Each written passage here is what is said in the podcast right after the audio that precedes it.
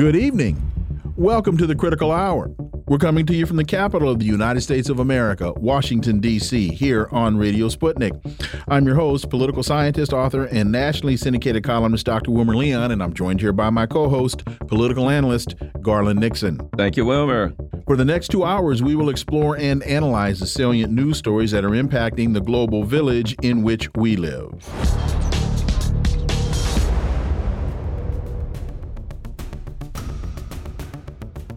Sy Hersh writes A year of lying about Nord Stream. The Biden administration has acknowledged neither its responsibility for the pipeline bombing nor the purpose of the sabotage. For insight into this, Let's turn to our first guest. He leads the Speaking Truth to Power section of Tell the Word, a publishing arm of the Ecumenical Church of the Savior in inner city Washington. He served as a CIA analyst for 27 years. His duties included chairing national intelligence estimates and preparing the president's daily brief. And in January of 2003, he co created Veteran Intelligence Professionals for Sanity. Ray McGovern, as always, Ray, welcome back. Thank you. So Sy Hersh writes, I don't know much about covert CIA operations. No outsider can, but I do understand that the essential component of all successful missions is total deniability. Deniability as an option for President Joe Biden and his foreign policy advisors was paramount. There was a flaw, a gap in understanding between those who carried out the mission and President Biden as to why he ordered the destruction of the pipelines when he did. Your thoughts on Sy Hersh's re most recent piece, Ray McGovern? Well, it's very clear that Sy had it correct. Uh, as you probably remember, I testified at the UN to this effect and uh, showed that the people who are demeaning uh, Sy Hersh were people who had demeaned other very true facts that were very consequential. Um, at that Security Council meeting, it was very, very clear that China was with Russia. They made it clear. The Chinese said explicitly so. We would like to have a Security Council authorized investigation of this. Why not? Okay. The Brazilian representative, who was sitting quite close to me, who was shuffling his feet, he clearly had no instructions. And so he, you know, it kind of hemmed and hawed. In the end, after about six weeks, they had a vote. It had to be voted on, right? And no one voted against the investigation. Can you believe it? Three voted for it, and there were 12 abstentions. a new record for abstentions. And no, no country wanted to vote against the independent investigation, so they abstained. Who were the three? Russia, China, and Brazil. They represent a huge port of humanity. The problem is today, of course, that Americans are, are very ill informed on all this. I had a doctor approach me. He knows what I do. He, he's a skin doctor, a Mohs doctor, right? So he takes off this uh, cancer that Irishmen get on their on their legs and so forth. And sometimes it takes five or six slices. So he got ten minutes be- between. So he says to me this time, "Hey, Mr. McGovern, so it looks like it was the Ukrainians that blew up that thing, huh?" and I couldn't. I couldn't read such thing. That's that's BS, doctor. And he looked at me. You know, you're not supposed to say that's BS, doctor. Okay. So, but isn't that interesting? Now, why did this all happen? Who is Biden listening to? Well, Garland, you have this book. I just ordered it, and lo and behold, I have it in my hand. Ally versus ally. Oh yeah, Tony Blinken. I have it as well, Ray. Tony Blinken, 1986, I think he published that book. Yeah, 83, actually. Okay. But this was his dissertation when he got out of Harvard. You know, Harvard's really smart place. So, so this is, uh, you know, it's it's pretty turgid. I didn't get through the whole thing, but he did, and I credit him with this. He did include an index. so I went right to Richard A. Pipes. the arch Russophobe on Russian and Soviet history, who, who taught a whole generation of Harvard folks to hate Russia no matter what. Okay, so here's a couple of little pages that Pipes appears on, right? Okay, page 61. Richard, this is this is Blinken citing Pipes, who of course was his mentor. Uh, Pipes argues that the United States has a virtual monopoly on the production of high capacity compressor technology. We're pretty sure that we can delay the pipeline's completion for a long, long time. That was an earlier pipeline, okay? Here he is again, quoting Pipes. Pipes, former, former National Security Advisor, says it quite frankly. This is what Pipes says frankly, quote, we see no reason in continually deferring, as has been done in the past, to the Europeans. We always humor them. They never humor us. Enough is enough. End quote. Richard Pipes. Okay. Now, later, uh, because this book came out during Gorbachev's arrival on the scene, um, again, uh, Blinken quotes Pipes, but then he has to hedge his bets. He says, uh, Richard Pipes argues that the Soviet elite has no interest in reform. Uh, it's a privileged class. It will always keep its monopoly on power. And then Blinken figures he's got to cover himself. He said, well, now, uh, Gorbachev says that uh, he, he seems to think that the Soviet citizens should have the freedom to create. But here, here's here's Blinken now. It is naive to believe that a well-tailored suit and a facility to charm the world media are signs of a reformer. End quote.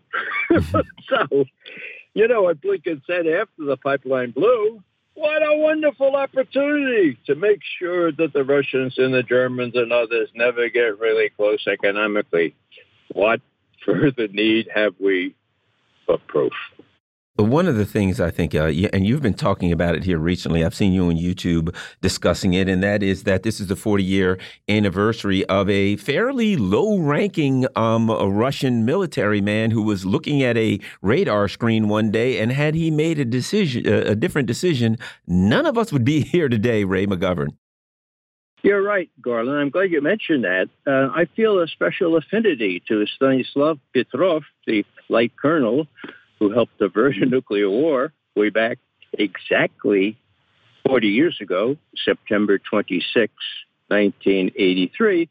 Uh, he was born six weeks after World War II began. I was born, I'm sorry, six days. I was born six days before it started. Okay? So we're contemporaries. And I asked myself, would I have had the guts to do this? What did he do? Well, he, he, he entered on duty at the Secret Command Center where the Soviet military monitored the early warning satellites over the U.S., and, and all the alarms went off. uh, computers said five Minuteman intercontinental ballistic missiles have been launched from an American base. so, what's next, says Nik- uh, Stanislav Petrov. After five nerve wracking minutes, electronic maps and screens flashing. He had one phone in the hand and one income in the other. He finally decided that this was probably, probably a false alarm.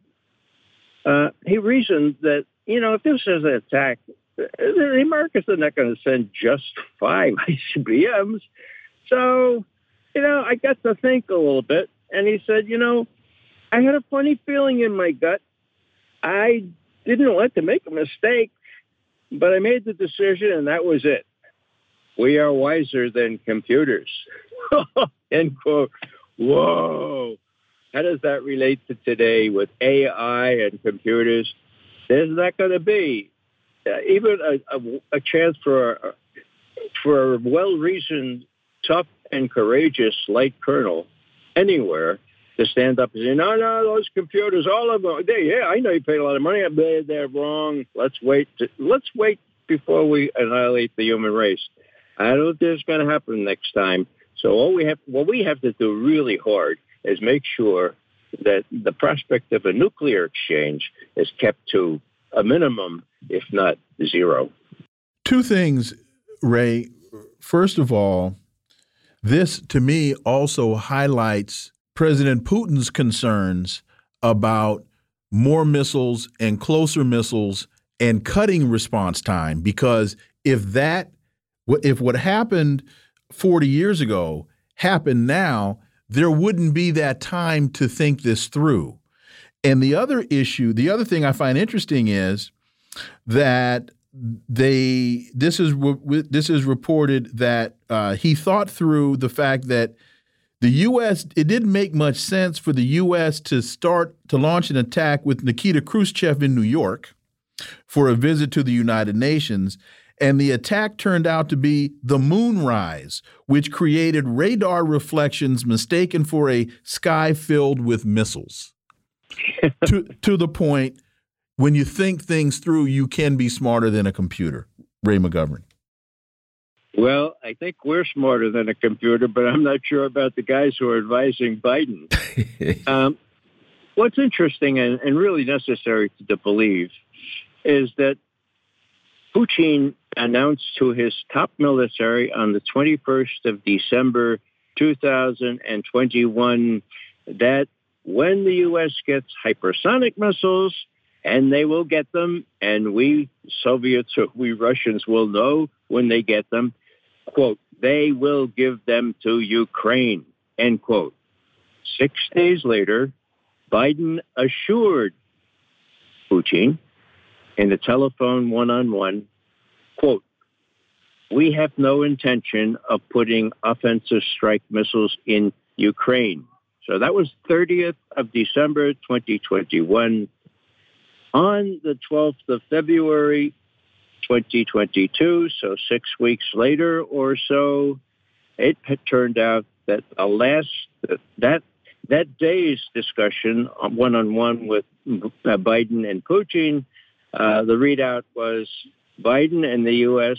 Dis, dis, disagreed and said they would not even discuss Biden's earlier promise not to put offensive strike missiles in Ukraine, nor were they willing to discuss NATO taking in Ukraine. That was the 12th of February, folks. You know what happened 12 days later.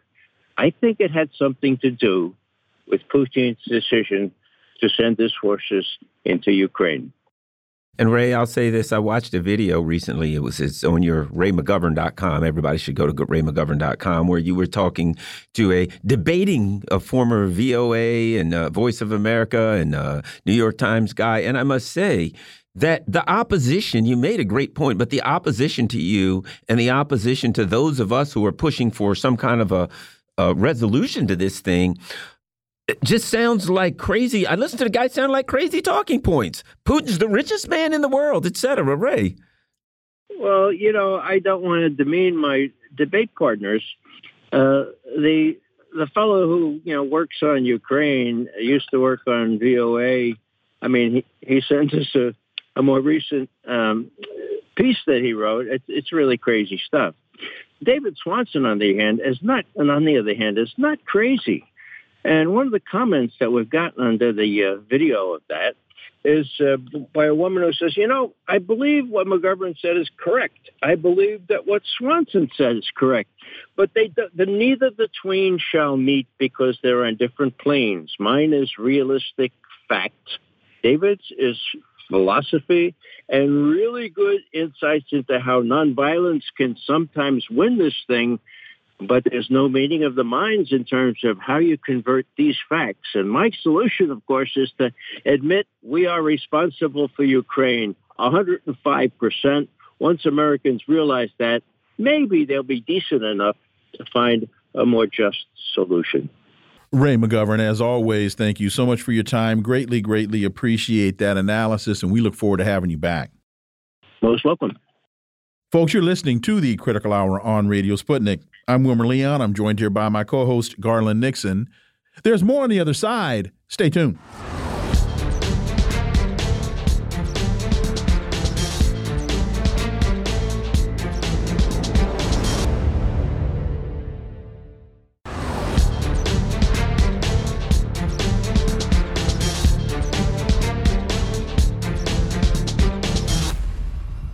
We are back, and you're listening to the Critical Hour on Radio Sputnik. I'm Wilmer Leon, joined here by my co host, Garland Nixon. Thank you, Wilmer.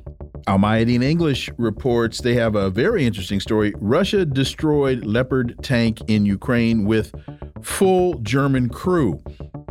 According to the head of the Russian reconnaissance team, the German soldier named his brigade and alerted the Russian troops of their location before expressing regret that he agreed to fight in Ukraine and then afterward died. For insight into this, let's turn to our next guest. He's a Moscow based international relations and security analyst, Mark Sleboda. As always, Mark, welcome back. Dr. Leon Garland, thanks for having me. It's always an honor and a pleasure to be on the critical hour. So, according to a Russian reconnaissance team head, the team destroyed a German supplied Leopard tank of the Ukrainian military with a crew made up of Bundeswehr troops in the Zaporozhye direction uh, this past Saturday. The team's head described how the team destroyed the Leopard tank and moved moved out to the burned vehicle, hoping to seize the tongue when the driver mechanic appeared to be badly injured and others were dead. The mechanic was screaming, Do not shoot in German, according to the team. While receiving medical help, the German named his brigade along with his dis dislocation site as he repeatedly claimed he was not a mercenary, but a Bundeswehr servicemen and that he and the rest of the crew were members of the same unit of the German army.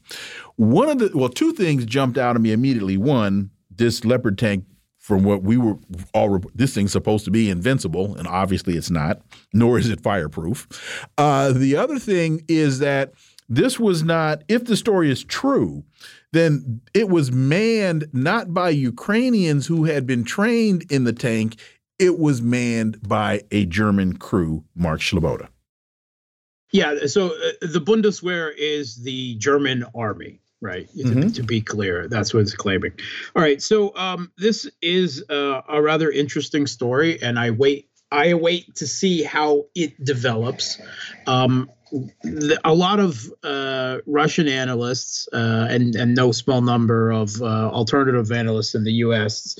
have speculated that uh, a lot of the Western, the NATO supplied, more advanced equipment in Ukraine actually uh, is and has to be manned by um, uh, Western forces uh, who are, uh, you know, essentially in Ukraine wearing the hats of Russians because uh, the specialists are needed, that the short training time uh, and the high fatality rate uh, prevents Ukrainian personnel from from mastering these weapons.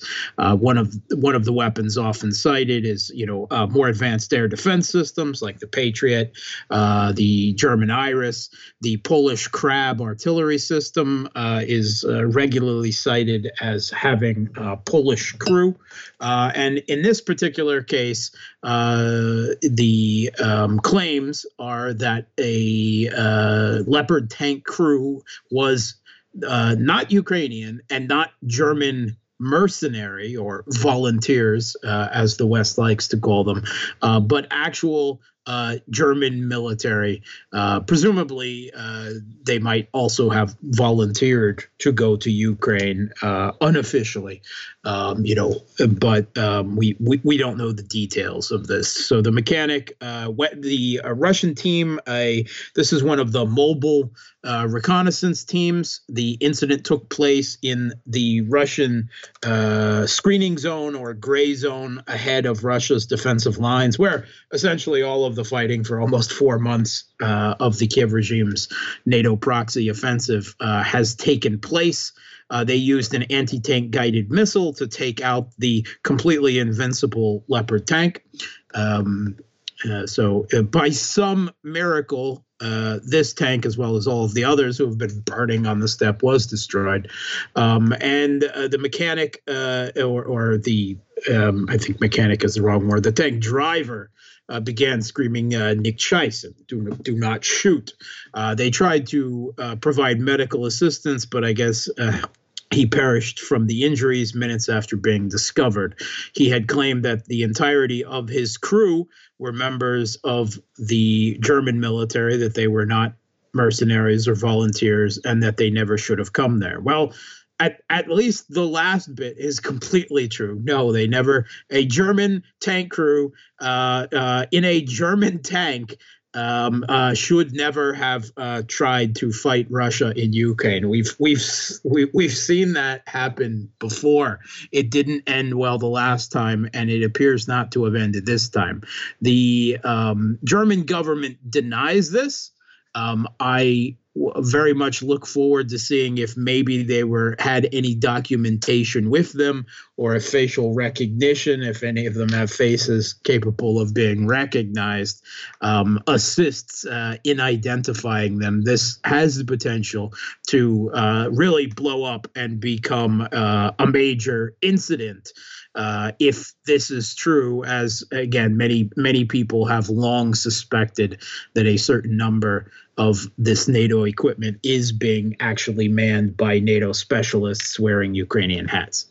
Well, I've been reading for quite a while a number of sources that talked about the literally many thousands of Pol Polish military people who have perished yes, in Ukraine. Polish, the highest. They're yes. all over the place. Now, here's an interesting story. The Russian Black Sea Fleet commander was seen alive and well, debunking the MS, mainstream media reports of his death and Admiral Viktor Sokolov. And I will say that I happened to have the news on one day in my house when and walked by and looked, and they were mentioning that uh, the Black Fleet Black sea, Black sea Fleet commander was killed, but apparently nobody told him, Mark.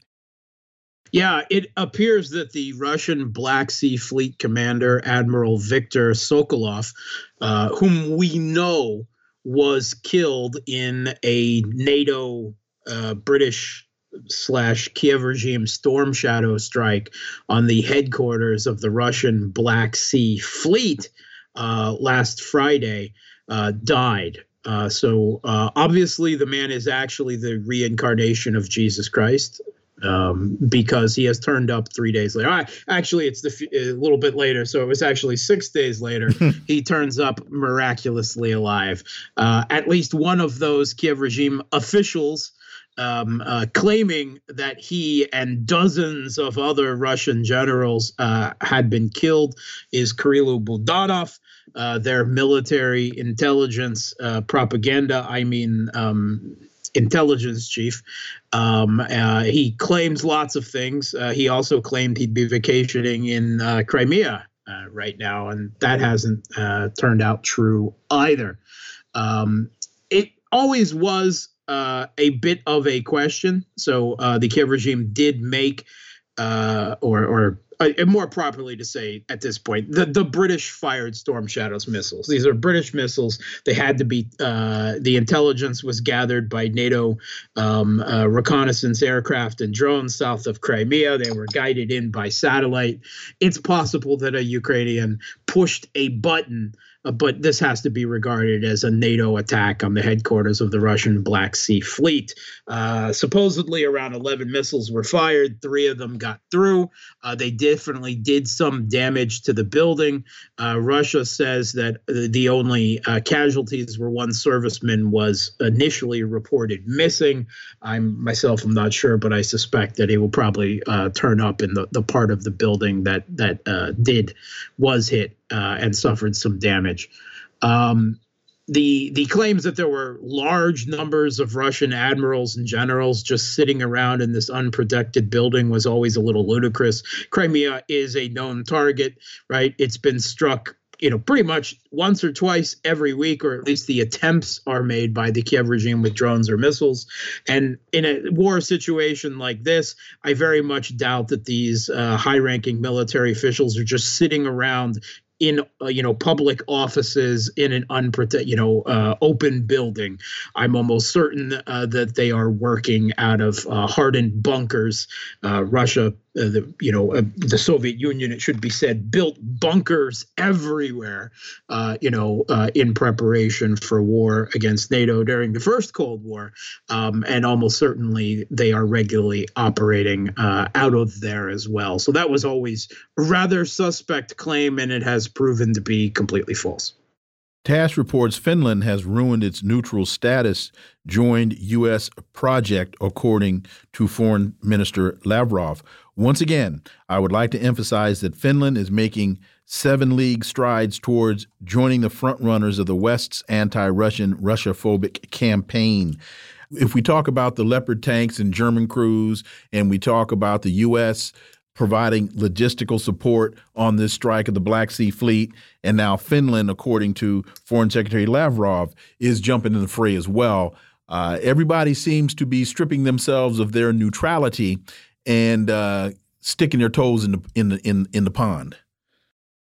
Yeah, um, it must be said that Ukraine was neutral, uh, and their neutrality was enshrined in their constitution. Constitutionally, they were not allowed to join NATO or, say, the Russian led Collective Security Treaty Organization constitutionally up until 2014, in the U.S. Uh, openly backed Putsch overthrew the government. And they, of course, one of the first things they did was to change the constitution, allowing it to be dragged uh, into NATO, throwing away neutrality.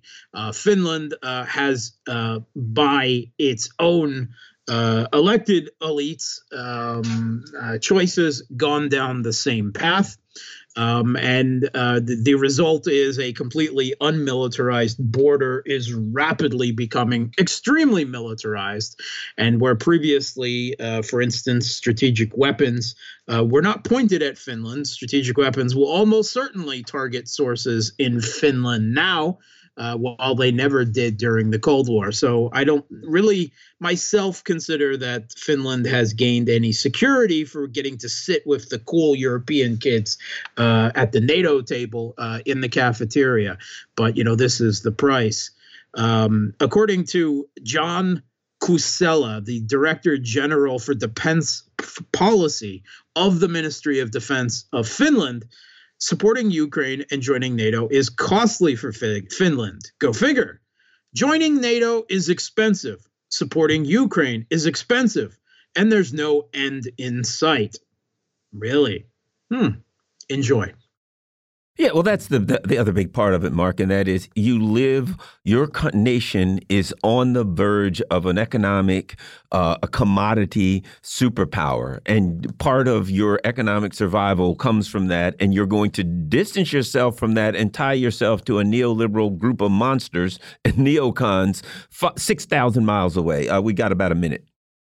Yeah, I mean, I wouldn't call Russia an economic superpower. They are definitely an economic great power, fifth largest economy in the world by GDP purchasing power parity. Is not a superpower, but it's certainly nothing to be laughed at. And certainly there was a lot of Finnish Russian trade, not just in commodities, agricultural products, textiles, back and forth across the border. That has almost completely dried up. And I know that uh, tourist operators in, in Finland are, are definitely suffering uh, as a result result. And Finland is facing a very hard economic uh, time going forward from the decisions of their, uh, you know, uh, NATO-leaning political elite. I, I, would just say this. I consider them an economic superpower not because of GDP or any of that stuff, but because of the impact. The, the impact the of impact of they could say tomorrow, gas prices, oil prices, we're going to screw the whole globe over, and nobody could stop them. That's what I mean. And I think aren't they the aren't they the leading they are the fifth largest economy in the world, but they're I think the largest economy in Europe. Yep. Yeah, they they are very large. Right. Food prices, You're wheat, right. right, all that Commodities, stuff. Exactly, Oil, they could control gas, the globe. Right. Grain, fertilizer. It is far more important than it's usually given weight to geopolitically. Exactly. Mark Sleboda, as always, thank you so much for your time. Greatly, greatly appreciate that analysis, and we look forward to having you back. Thanks for having me. Folks, you're listening to the Critical Hour on Radio Sputnik. I'm Wilmer Leon. I'm joined here by my co host, Garland Nixon. There's more on the other side. Stay tuned.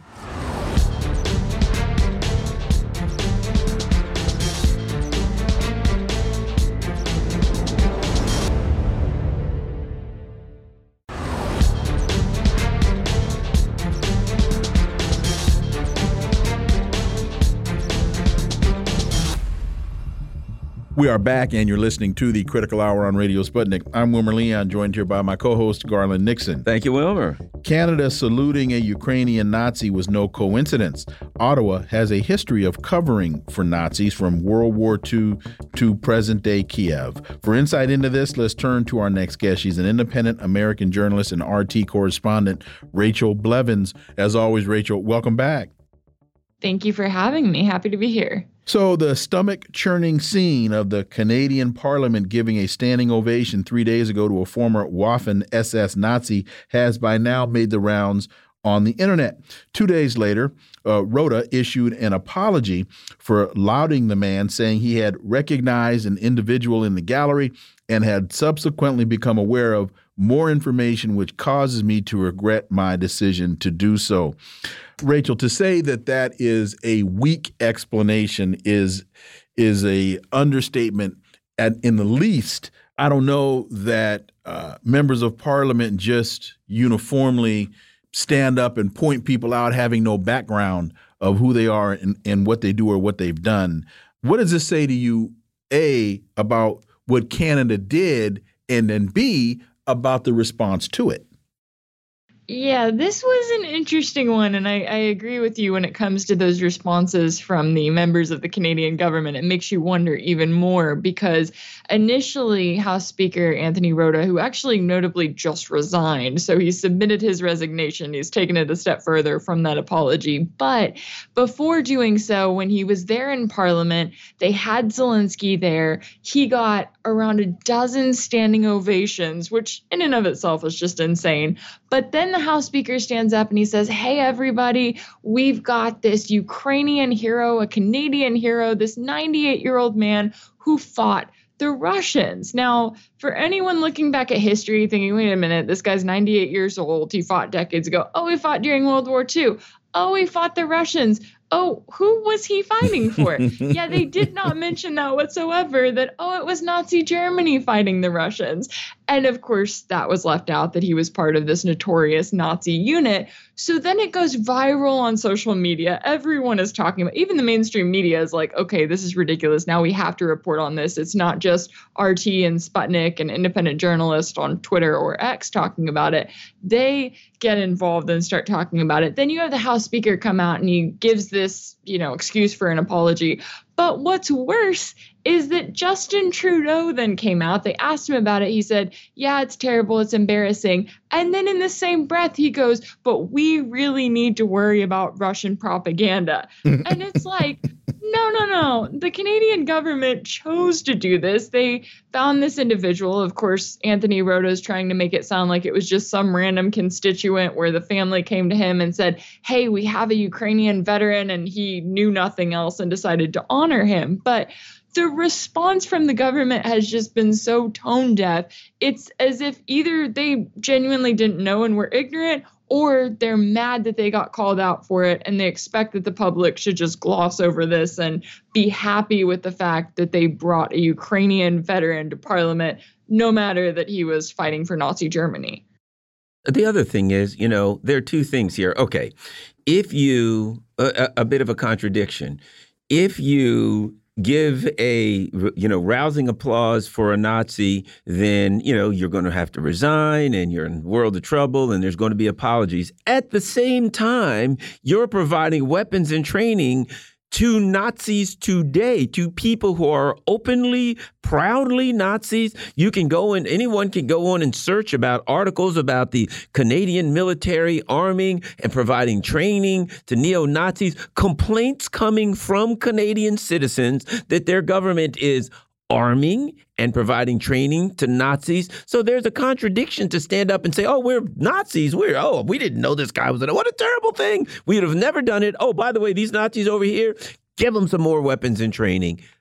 Rachel. Right, exactly. You make an excellent point there because it's like, oh, if you want to be outraged over Nazis, we've got a few stories for you. You know, like we've got some coverage that y'all are missing out on when it comes to the media and obviously when it comes to the outrage. I know Poland has stepped in and now they're saying that they want to extradite this 98 year old man to face war crimes charges. And yeah, that's great. If you want to push for justice for someone like him for the crimes that he was likely a part of many years ago, that's all fine and good. But you're right, it's still going on today. And in Canada, you're expected to celebrate the fact that the Canadian taxpayers are forced to pay for all of this military aid for the Ukrainian military, which has adopted these far right neo Nazi units into their military. And then we're told here in the US as well, oh, oh, it's fine. Don't worry about the Azov battalion. You know, they're refined now. Don't worry about those articles that were written just a couple of years ago talking about their Nazi beliefs. Those don't matter anymore because now they've slapped on a Ukrainian military uniform. And it's just to put people in a position where, on one hand, you're telling them that they can only be outraged about something if you say that it's okay and only if it's in this specific case is just a reminder that people are expected to be ignorant and not to ask questions. And so it is kind of fascinating to see all of this outrage over this one case when, as you're right, when it comes to that Nazi ideology, it is still very much alive and well today. And it's supported by taxpayers in the US and Canada and other countries in the West whether they want to support it or not. Well, and just cross the border, as you've just touched on, just cross the border into the United States, and the United States overthrew the Yanukovych government in 2014, and, and, and as part of doing that, funded the right sector, the Azov battalion, and we have Nazis in Florida marching around talking about how they support Joe Biden because Joe Biden supported their kindred, their kith and kin in Ukraine. Uh, so it's they need to make that that that connection needs to be made as well because I always thought, excuse me for my poor Catholic school history classes, I was taught Nazis were bad. I, you know, I would say that your uh, Catholic school got that one right there, and you're right. It's it's crazy to watch how, you know, in this specific case where it was as if the parliament in Canada was so excited to get an individual who was a Ukrainian veteran who fought the Russians, right? And they presented it as this guy was fighting for independence from the Russians because it fit their narrative. They didn't want all of the other stuff about his past working with Nazi Germany, that wasn't included, but it fit the narrative of fighting the Russians. It got a couple standing ovations from everyone in parliament. And it's like, was no one in that room questioning, wait a second, let's look at history here. Let's look at which side this guy was on. Let's look at which side Russia was on. No matter what they think about Russia today, let's at least look at what Russia was doing in the 1940s and how the world has benefited from it. I mean, if Nazi Germany had won World War II, we would be living in a very different world to this day. And it's just crazy to see how everything right now is so aligned with that narrative that if it fits the line that they want it to fit, then they go accordingly. And it seems to be the case also when you look at the aid and the support that the US and its Western allies have given to Ukraine as well. They're like, hey, don't question, you know, these extremists that we're funding. It's fine. They are getting the goal done. They are helping us to overthrow this democratically elected government in Ukraine that has gotten a little too close to Russia, and we're not happy about it. Therefore, we're using your taxpayer dollars to fund these extremists to then get what we want done. And it all comes back to them just expecting that people won't question this and go, wait a second, I thought that Nazis were bad. Why are we acting like they're good and they're our allies? And also, we're giving them funding and weapons. It's also as though you can turn the when when you back them and support them and train them and fund them the thinking is, well, I can just turn off the power that they generate or that they create when I'm done with them. It's not, it's as though it's not going to come back. It's, it's, as though, well, I'm just going to inject a few cancer cells into your body. And uh, no, it's not going to metastasize. Well, that's what cancer does when left unchecked. And I, yes, I'm equating Nazis to cancer, and I can do that as a cancer survivor. Um, so I think that's a fair comparison. There. Okay, okay. So well, it worked so well with the Mujahideen and Bin Laden. It just went hey, right man, away after hey, Afghanistan. Man, all of a sudden, you know, we can we can, go ahead. Ukrainian President Vladimir Zelensky's lack, lackluster receptions in Washington and at the UN in his trip uh, to the U.S. last week, and his inability to achieve major objectives shows that his moment has passed and the end is near for Kiev, according to experts. Your thoughts? Yeah, you know, that's also an interesting one to watch because Zelensky didn't get nearly the hero's welcome when he came to the US that he got even just back in December. And that's, you know, there are a number of reasons why that is, especially this ongoing counteroffensive or the lack thereof. And so it really does raise questions about whether or not the tide is finally turning when it comes to that blank check for someone like Zelensky. Now, I personally watching the way that the US tends to handle its puppets in other countries in the world. I could see them using Zelensky as a fall guy, blaming everything on him when everything ends up falling apart and saying, you know, we tried, we tried to make sure that there was freedom and democracy. We tried to get Zelensky to root out the corruption and it just didn't end up happening and it's all his fault. Now move on to this conflict with China or whatever it is that they're presenting at the end of the day. So I do think that it's possible that that is coming. I think the only thing that is going to affect that timeline is just one, how long this counteroffensive goes on, and two, how much the upcoming election plays a role in all of this. Because the American people keep saying that they're not happy with the Biden administration's policy on Ukraine, and they've said it time and time again. The question is is Biden actually going to listen to the people? And a lot of that just remains to be seen at this point. Well, when you talk about the election, the United States has been pressuring uh, Zelensky to hold elections. We know that Blinken was recently in Ukraine meeting with General uh, Valery Zaluzhny, and some of the thoughts are that it's Blinken trying to be sure that Zaluzhny runs in that election, understanding that Zelensky isn't that popular, and so the United States could just be in a replacement mode. In a replacement mode. Yeah, yeah, I could definitely see that happening. You know, now that we're getting to this point where Zelensky's definitely getting a little bit of arrogance on his end. You know, you've got officials from the US and the UK that have said, hey, we'd like to see more gratitude for all that we're doing for you. Hey, you know, we need a little bit more humility on your end. And he's not showing that. So that could very well be the case, especially watching just how adamant he has been that either that elections can't happen or that he needs more money for those elections to happen. I think that that is a very telling aspect there that there seems to be concern on Zelensky's part that he may not be in charge if these elections are held. Because otherwise you would think that he would say, "Yeah, sure, we'll have elections." I mean, if you think about it, he's banned all of his major opposition parties, he's nationalized the media, he's targeted anyone who he sees as any kind of competition, but as you pointed out, Zelensky being the G- top general of the Ukrainian armed forces is the one person Zelensky hasn't been able to really target,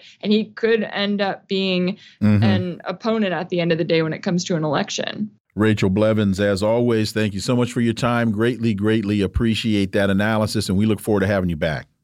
Thank you, guys. Happy to join you anytime. Folks, you're listening to the Critical Hour on Radio Sputnik. I'm Wilmer Leon. I'm joined here by my co host, Garland Nixon. There's more on the other side. Stay tuned.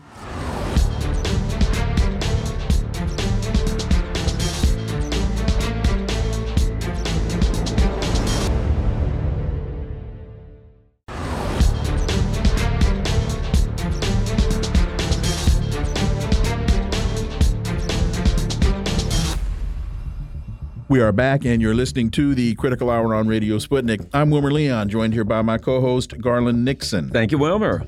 President Biden and former President Trump are squaring off for Michigan's working class voters. In visits on back to back days, the two will test their appeal among workers in a key swing state. President Biden arrived in Detroit today and became the first president to walk a picket line when he joined members of the UAW in protesting their contract with the biggest car manufacturers in the country. This while tomorrow, former President Trump will arrive in the next county over, trying to tap into the same angst among industrial workers. Will all of this executive branch attention bode well for labor? For insight into this, let's turn to our next guest. She's a political commentator and podcast host, Misty Winston. As always, Misty, welcome back. Thank you for having me. I appreciate it. So the visits come as the two leaders test their appeal among the working class in a key swing state. They set up what will be a driving force in the 2024 presidential campaign while also highlighting the starkly different records that Biden and Trump carry into a contest likely to feature both men. A couple of things. One, Misty, uh, President Biden told us last year on Labor Day that he wanted to be, and he had said this a, a number of times, but he spoke this at a, during a speech on Labor Day last year that he wanted to be the most pro labor president in the history of the country. And that was during the railroad workers' strike. We know where he went there.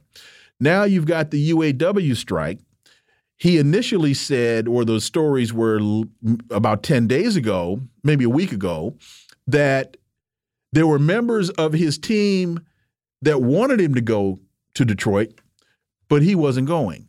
Trump announces, I'm going on Wednesday. Biden's there today. Misty Winston, your thoughts. Well, I think this is very obviously being used as a political weapon. I don't think either one of them really care about the striking workers of the UAW.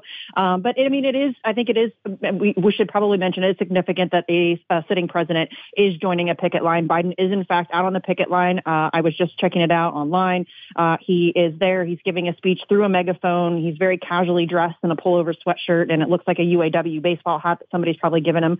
Um, so I think that it's, uh, I mean, it, I think that's significant, but I also think that people need to be very uh, critical of this move. This is very obviously, especially with Biden, given that he um, very, uh, very publicly and very famously just broke out the railroad worker strike that you just mentioned. Uh, and so I think that he has taken a hit on that whole pro-union, pro-labor uh, kind of uh, uh, appeal that he was going for, and he's de definitely taken a major hit. His poll numbers are terrible. So I think that this is obviously very cynically just an attempt to kind of boost himself in those those demographics, especially in, as you mentioned, a very uh, a very crucial swing state in Michigan. So um, I think that it's significant that he's there, but I also think it's uh, you know very obviously just a political tool uh, that both Biden and Trump are using. And I think this this is a Washington Post story, and I think this kind of sums it up to me. Both have made it a core, core point of their political uh, uh, identities for years, and they put it at the forefront of their competing pitches in 2020 when Trump was the incumbent and Biden was the, Biden the challenger. And what that gets down to, to me, is this is about. It's not about substance. It's you know the, uh, that that that uh, U.S. politics has become about we uh, has become about showing um, the working class that you support them, even though they can feel the pain of the economy, but they get the rhetoric of, you know, FDR or whatever the case may be. Misty. Yeah. Yes, I mean it's it's really just about um, talking points and sound bites. It's not really about any substantive action. It's not really about helping anybody in any significant way. It's just about rhetoric. It's just about making people feel like you're supporting them. Um, and it, I mean, I think that that's starting to lose its luster. I think a lot of people in the American public have started to, to suss that out, and they figured out that um, they're being fed a bunch of uh, uh, malarkey, if I could buy, borrow a term from Biden. Uh, and I think that a lot of people have uh, kind of caught on to that, and they're not impressed. I think generally speaking speaking, the American public is not impressed anymore by this empty rhetoric. They want to see actual action. Um, and I think a lot of people will argue that showing up on a picket line is action. It's not. Uh, it is nothing more than showmanship. It's nothing more than putting on a performance. It does nothing of substance for the workers of the UAW. Um, so yeah, I think you're absolutely right. I think that this is just nothing more than political, uh, uh, you know, uh, showmanship and all of that stuff. And it's just, I, I, I, think it's very empty. It's very vapid. It's very superficial. Uh, and I don't think it's really serving any purpose of any substance for the workers. There's a staying with this same Washington Post story. Here's a paragraph Biden comes at the invitation of union leaders Well, I thought we read last week that they told him not to come. I could be wrong on that, but I thought we were, we read stories last week where they were saying to him it was better that he stay away. Trump came despite their warnings to keep his distance. Biden has touted a record as a pro-union president while at times struggling to maintain the support of rank and file members. Trump calls himself pro-worker while at times clashing with union leadership and implementing policies as president that worked against their interests. And while Biden is joining a picket line of union members, Trump's remarks will be given at a non union shop.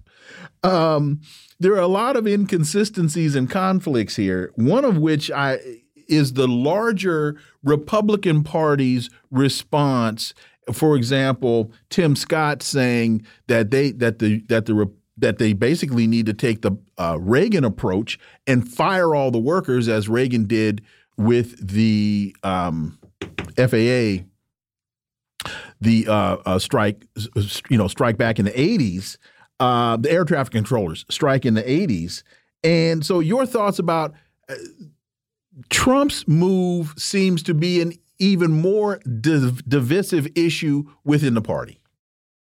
For sure, uh, absolutely, and I think it's also interesting that he's going to a non-union shop. I think that that's uh, probably a mistake. Um, I think he's clashed with union leadership. I think though that's not really a fair representation. I don't think union leadership is really representative of the unions themselves. Correct. I think that there's been, you know what I mean, like there's this very, uh, very obvious discrepancy in the way that union leadership handles issues uh, as opposed to the way that rank and file. We saw that with the railroad worker strike. The rank and file uh, were really upset and angry about the way that that was handled, uh, but union leadership were the ones that were touting the whole deal and, and, and going ahead with it. So I think that we're starting to see that also, that kind of division as well between union leadership and rank and file. Um, and I think that, you know, uh, yeah, Trump is definitely, I think, um, uh, going about this in his own way. I also think that Biden's going to have issues too because he claims to be pro-union now. I mean, this is a guy who voted for NAFTA, which decimated the auto industry at the time. And so um, I think that they're both going to be dealing with their own separate issues on this. And I think it's interesting to watch how, uh, you know, they're they're kind of trying to deal with it uh, within their own respective parties, with their own respective rhetorics,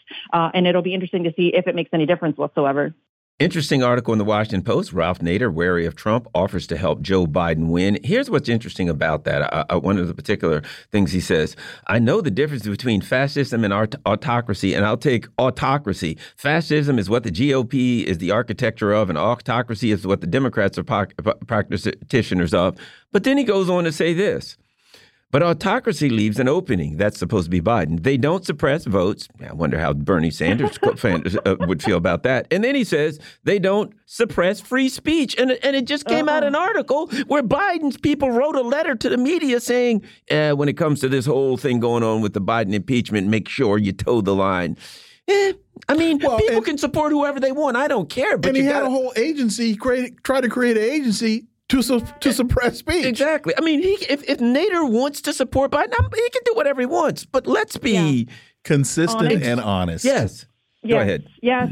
And thank you so much for bringing that. I literally screenshot that exact quote because I was like, no, Ralph, are you kidding me? Uh, it is absurd what he's trying to proclaim here. I mean, if listen, as you said, if you want to support Biden, if you think that Trump is the greater evil here and, you feel compelled to help Biden beat him, that's fine. But do so honestly. And it's such a disappointment coming from Ralph Nader, somebody I've had a great deal of respect for for a very long time. Um, and he, the, the idea that he's trying to pretend as if the Democrats don't suppress votes. Are you joking? They sue to get Green Party uh, candidates off of the ballot. They, they've done that numerous times. I mean, uh, that Bernie, as you mentioned, Bernie Sanders, and the, they rigged openly two back to back openly uh, Democratic uh, uh, presidential primaries, rigged them openly out in the open, uh, and and then they're not suppressing free speech. Are you? I mean, as you just mentioned, the disinformation governance board that they tried to create, they're now doing something else that's very similar. And we should mention that they're continuing the persecution of Julian Assange, who is a journalist and publisher. So the idea that the Democratic Party is uh, is not suppressing votes and they're not suppressing free speech is completely absurd, and it is hugely disappointing uh, to see this coming from Ralph Nader. Uh, it, it's just I, I don't even have words for it, and I'm so glad that you brought that quote up because I literally screenshot it. I was rage filled. I'm like, he has to be joking. He's not joking. It's just really unfortunate that he is. Uh, I mean, he's. I mean, this is really I don't know if he believes it. I, I, don't know how he can. He's not a he's not an idiot. He's a very smart man. Uh, so I, I, have to believe that he's just lying, and that's really that's really unfortunate. Well, you'll screenshot this as well. Nader says no formal Biden endorsement will be forthcoming. and he still supports the idea of third parties in principle. But, quote, Biden is better than he's ever been, but he's still terrible on Empire and Wall Street is about as close as he'll come to complimenting the president. Let me just say this. If if I get arrested, please do not have Ralph Nader speak for me in court. We can't have that. We can't and I know he's an attorney. We can't have that. That that Biden uh, is better than he's ever been, but he's still terrible. You don't want him as a character witness to speak on your behalf? No, no, no, no, no, no, no. Because he'll say, "Well, I know he's a character." Yeah, uh, no. So Misty, with with friend with endorsements like that, you you don't need criticism.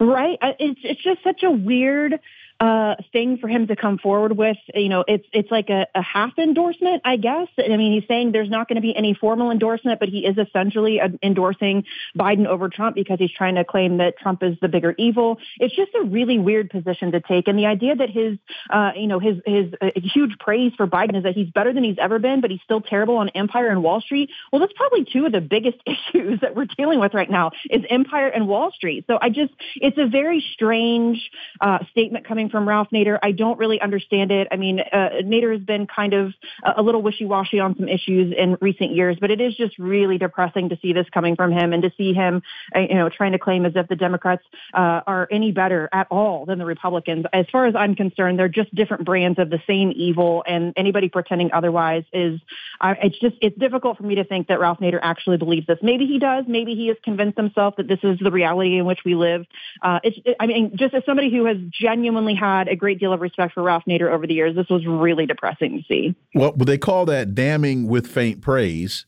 And I, with his point about empire, Garland, he should have just gone ahead and backed Robert Kennedy Jr. because Robert Kennedy Jr. has been very outspoken about empire or Dr. West. But if he wants to stay in the in the Democrat Party, he should have backed Robert Kennedy Jr. And one of the things that he says is uh, about uh, uh, Kennedy's bizarre tick on vaccines and Ashkenazi Jews. Well, that's what they said was false. Right. Uh, Kennedy referred to a peer-reviewed study that showed that the that Certain COVID groups of people, people, are more susceptible to illness. Right. To, uh, to this specific illness, and he said, and we should look into why. He even said, you know, with black people, it could very well be because they don't have, they tend to be poor and don't have access to health. So it was a a, a, reasonable scientific legitimate and they twisted it to make it appear that he said something Semitic anti-Semitic and then he runs with this crap Misty. Yeah Yes, and it's it's uh, again very confusing and very frustrating to see this kind of thing coming from somebody like Ralph Nader, who I think knows better, uh, and uh, especially given the fact that. Uh, and listen, I am no fan of Robert Kennedy Jr. I don't deal with Zionists, uh, and he is very much a Zionist. Uh, so I would I would be okay if he had that kind of criticism for him. However, the idea that um, you know Dennis Kucinich is his campaign manager. Dennis Kucinich and him have been friends for a very long time. it's it, so it's it's a very strange thing. I think Dennis Kucinich even called him one of his heroes uh, in this article. And so um, it is it's just weird and it's uh, it's it's disappointing coming from Ralph. I don't understand um, what exactly his point is that he's making here, and it it seems as if he's going the way of Bernie Sanders and Noam Chomsky. And I wish that they would just kind of ride off into the sunset and stop talking because I just keep losing support for them every time they open their mouths, and it's really frustrating. Hunter Biden sues Rudy Giuliani over laptop. Uh, Hunter Biden has filed a lawsuit against Giuliani and Giuliani's former lawyer, charging the two men misused his personal computer data. And what's interesting is he's complaining about the data. He's not he's not admitting that that was his laptop, but he's saying that on that laptop was some data that belonged to me, and you guys misappropriated my stuff. Uh, Misty. Yes, this is, I mean, he has yet to admit that this was his laptop or that this was a legitimate story. And so this is almost a tacit admission that this is, in fact, uh, that, that, this did belong to him and that this data did belong to him. And he, so he, he is, I think he's trying to claim that they've manipulated it in some way. So I don't know if he's trying, or that they've tampered with it. So I don't know if, if he's trying to claim that some of the uh, stuff that was contained on the laptop was made up or manufactured. Um, it's not really clear. Uh, but it, it, this is a very interesting uh, mm-hmm. tactic that he's taken. Again, he's not fully admitting that this uh, that the laptop is in fact his, which he has yet to do. Uh, but to me, it seems like this is a very uh, a very big step in that direction. Uh, that's like uh, OJ saying, "Hey, I didn't commit the murder, but can I have my hat and gloves back at the end of the trial?" and don't forget yes. my Ginsu night. Yeah, exactly. Misty Winston, thank you so much for your time. Greatly appreciate it. Look forward to having you Thanks, back. fellas. Anytime. Thank you. Folks, you're listening to the Critical Hour on Radio Sputnik. I'm Wilmer Leon. I'm joined here by my co host, Garland Nixon. There's another hour on the other side. Stay tuned.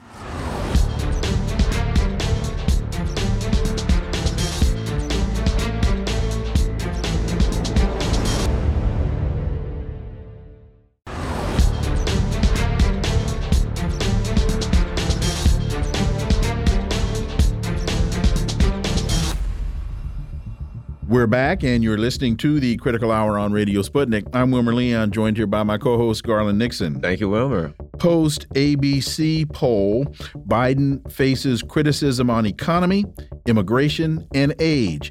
A finding that shows Trump is leading Biden by a wide margin does not match other recent polling. However, it's suggesting it is an outlier. For insight into this, let's turn to our next guest. He's an associate professor of economics at the University of Missouri, Kansas City former president of the National Economics Association, Dr. Linwood Tauheed. As always, welcome back. Thank you.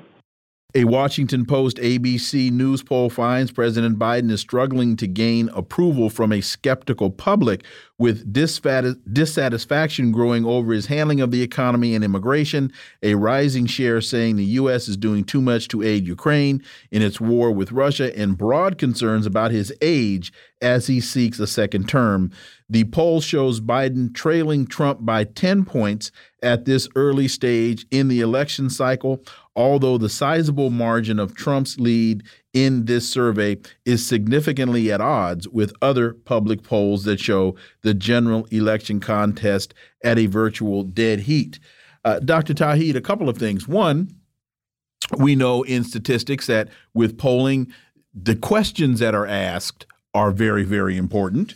And when the questions are asked and who is asked the questions, all of these things indicate. But whether it's 10 percentage points or a dead heat, as an incumbent president, Joe Biden should not be and with the with the charges that former President Trump, um, former President, yeah, Trump finds himself up against, this is a miserable showing. Dr. Tauheed. Yes, it is. And it, it the first thing it reminded me of was uh, a statement of exasperation by Hillary Clinton during the uh, the um, uh, the general election, where she asked, "Why am I behind this guy?" uh, refer, referring to, to, to Trump, because you know by every measure she should have been, uh, at least by every polling measure, she should have been ahead. Uh, this this this ten point lead by by Trump uh, may be an outlier, but it is reflective of the trend that that uh, Joe Biden's approval rating is going down, whereas Donald Trump's approval rating is is either steady or going up, in spite of, or maybe even because of the indictments. And so it, it may not be, uh, you know, exactly what would what would be the general statistical uh, variation now, but it, but the, the polling seems to be going in this direction. So maybe this is this month's numbers early. Uh, excuse me, next month's numbers early. Yeah, and and and you know when when you know in reading this story, here's something that I find interesting. The story talks about it, and it says that um, you know Joe Biden has uh, that that you know Trump is facing uh, 91 felony counts, and then it says in Biden's facing counts. Although there's no real, you know, it, it kind of you know, although there's no real evidence that he did, direct evidence that he did anything wrong. One of the things that I see is this: it's obvious that this article is pro Biden, anti Trump. There are a lot of people that are angry and distrustful of the mainstream media. There's kind of a paradoxical effect here, whereas the more the mainstream media, the more the kind of elite ruling class that people hate go after Trump, the more it convinces a certain element here that he's the right guy, and they don't realize what they're doing. Your thoughts? Yes, uh, one one one news article on this uh, said that um, uh, at 51 for Trump and 42 for Biden, that that Trump edges out Biden. Well, 51 to 42 is a shellacking. That's not edging out. It's obvious that that mainstream media is pro Biden and they're trying to put as good a face on this as as possible. But but I think the general public sees through this pro bias and and is being as distrustful of the media, uh, mainstream media as they are. Uh, every time the, the, the mainstream media tries to to to whitewash the situation in Biden's favor, uh, it actually creates an adverse effect. And and so you know this is this is not some some poll by some some uh, you know uh, conservative media. This is an ABC poll that that the, the rest of mainstream media is saying, well, it's you know it might be an outlier, it might, it's not inconsequential. I mean, if you can't trust ABC, who who can you trust? and, and, and, and, and and so you know, I think the general public are are really seeing this this uh, struggle of polls as being uh, between the elites and and they they are realizing uh, uh, they are understanding that that uh, the fight is really with them on a day to day basis in terms of how they're feeling about the economy, how the economy is is is, is um, affecting them, how they are feeling about immigration. Uh, not not in terms of necessarily even Democrats being anti-immigration, but this is an uncontrolled immigration process in which in which there is uh, look when when when you have the governors of uh, Texas and Florida flying, pe- putting people on airplanes and flying them to states, uh, to New York City, for example, mm-hmm. then people in New York City may be pro-immigration, but they realize that this is causing a problem for them and their their pocketbooks, and they want the federal government to do something about it. And then, of course, there's Joe Biden's age, and and, and for me, it's it's not a matter of age. Thank you. It's a matter of it's, it's a matter of competence, cognitive ability. Exactly. And and so they, they can they can put it out as age, but that would affect other people like uh, encompass other people like Bernie Sanders and even Donald Trump who don't don't don't seem to be showing this this cognitive disability as Biden. Well, I, am glad you made that point because I, I was going to raise that to say that Nancy Pelosi is older. She's 86, I think, older than Joe Biden. Bernie Sanders is older than Joe Biden. Uh, who was that we were just talking about? Uh, Ralph. Uh, Ralph Nader is 89. Is 89 years old. So th they keep they keep Henry framing. is hundred, right? Yes, he is. they keep, and he finally found some sense in saying the Ukraine thing was a mistake. I have a friend. His his father's in his eighties. He still practices law in his law office. There you go. Uh, competently, he's great. So they keep framing this as age, but it's no, it's cognitive ability. And the other thing, ten points. That's that's more than three times beyond the standard accepted margin of error. So if you if you have a poll that's plus or minus 3%, that's considered to be a fairly accurate poll. When you get when you so when you have uh you know so anyway, I, I made the point. But what does this say to you, Dr. Tauheed, when Kamala Harris's numbers are worse than Joe Biden's numbers. And they're talking about, some people are talking about rolling her out there at the top of the ticket. Well, I mean, if that's if that's the the public perception that the only the only alternative we have to Joe Biden is is Kamala Harris, that's that's that's certainly very discouraging for Democrats to think about uh, going to the poll, and and and uh, part of that issue is uh, people will will will simply stay home. Uh, I, I, know the threat and and the fear that's being whipped up uh, uh, about Donald Trump will be important, but but but think think of a, a, a campaign between Donald Trump and Kamala Harris that's that's that's embarrassing, and it almost ensures that Trump will win, so she cannot be the alternative. Well, you know, another part that we haven't touched about, and that is coattails. You know, the Democrats have to worry because if they put in a Kamala Harris or whoever, and and people stay home. Uh, they, they lose, uh, you know, the House, the Senate. Uh, they stand to get wiped out. You don't have coattails when you don't have a coat, and the emperor has no clothes.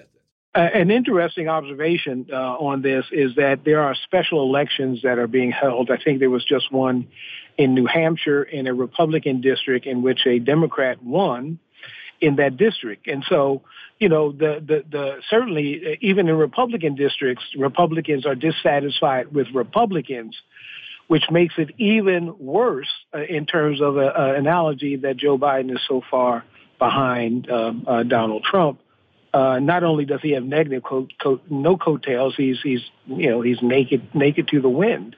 In the, in that case, it's even worse. Democrats should be winning, but but uh, Joe Biden is the standard bearer. Consortium News, USC's highest ever increase in poverty.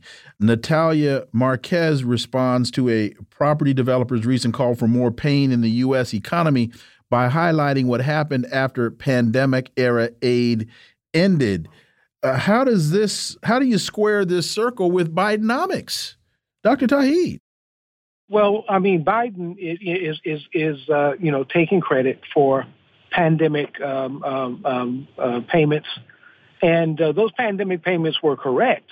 But we should remember those pandemic payments started in the Trump administration, and and and part of that pandemic uh, payment, or at least the the benefit, was to uh, increase the amount of the child tax credit. Uh, and that was estimated to, to bring about 50% of children who were in poverty out of poverty and at the end of the Democratic uh, um, um, uh, congressional uh, cycle during the lame duck session, uh, the Democrats had an opportunity, the Democrats who were in control of the House had an opportunity to extend the child tax credit. Not only did they not take that opportunity, there was not even a discussion of extending the child tax credit. And so those children who uh, uh, went into poverty, went out of poverty, uh, now fell back into poverty. And so, yes, that is the greatest, uh, highest ever increase in poverty because the Democrats did nothing when they when they could have done something. And uh, this article also brings out that because of uh, the some of the the uh, uh additional benefits cut off that were uh, put forth during COVID, somewhere between eight and twenty four million people will lose Medicaid coverage, and those people vote, and in some cases won't vote because they'll stay home. Dr. Tauheed. Uh, yes, you know they're they're all there's all of these things that were put in place uh, during the pandemic to, to, to save the economy. One of the things we've learned from the Great Depression is that when you run into recession, what the government has to do is spend money. Now, again, Donald Trump was president when that when that began, so Donald Trump learned that lesson as well. It's not it's not a partisan lesson. It's it's a lesson that Republicans and Democrats both both know.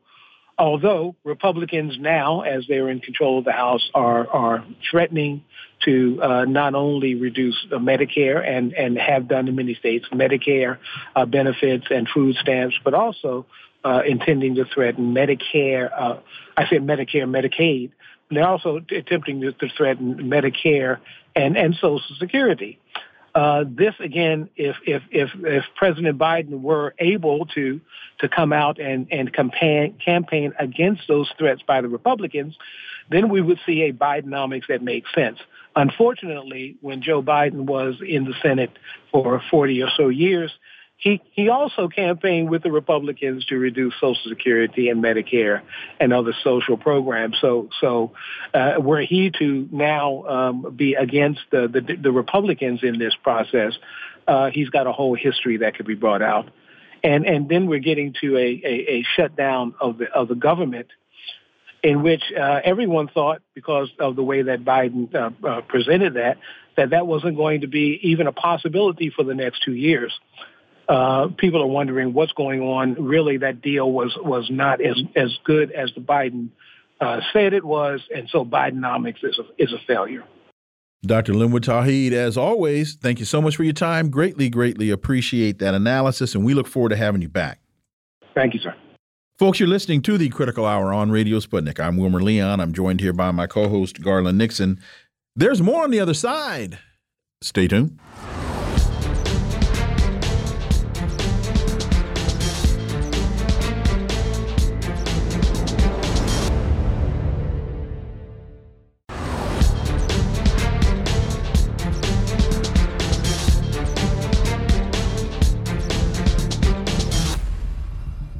We are back, and you're listening to the Critical Hour on Radio Sputnik. I'm Wilmer Leon, joined here by my co host, Garland Nixon. Thank you, Wilmer.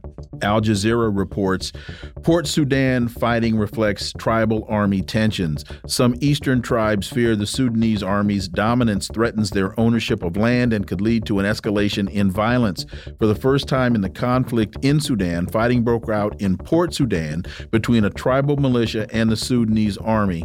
And analysts say this reflects mounting tensions between eastern tribes and the army. For insight into this, let's turn to our next guest. He's an, a historian and educator with 40 years background in Africa, living and reporting from Eritrea from 2006 to 2021.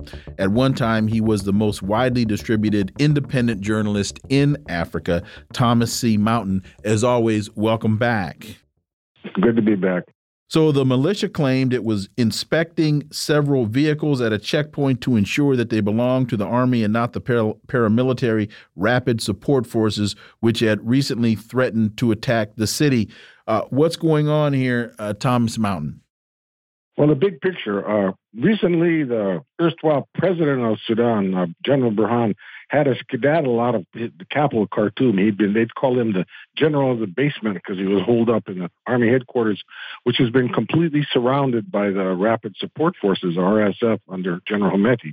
So, good question how that supposedly helicopter got him out of uh, Khartoum because the, the Rapid Support Forces weapon of choice is 23 millimeter anti-aircraft weapons, and they could knock a helicopter right out of the sky at a couple of miles. So how they got in and out of there, they must have RSF must have approved it. But uh, General Burhan flew to Port Sudan, and not long after he got there, he went on a whistle, started a whistle stop tour, international capitals, even got to the UN General Assembly.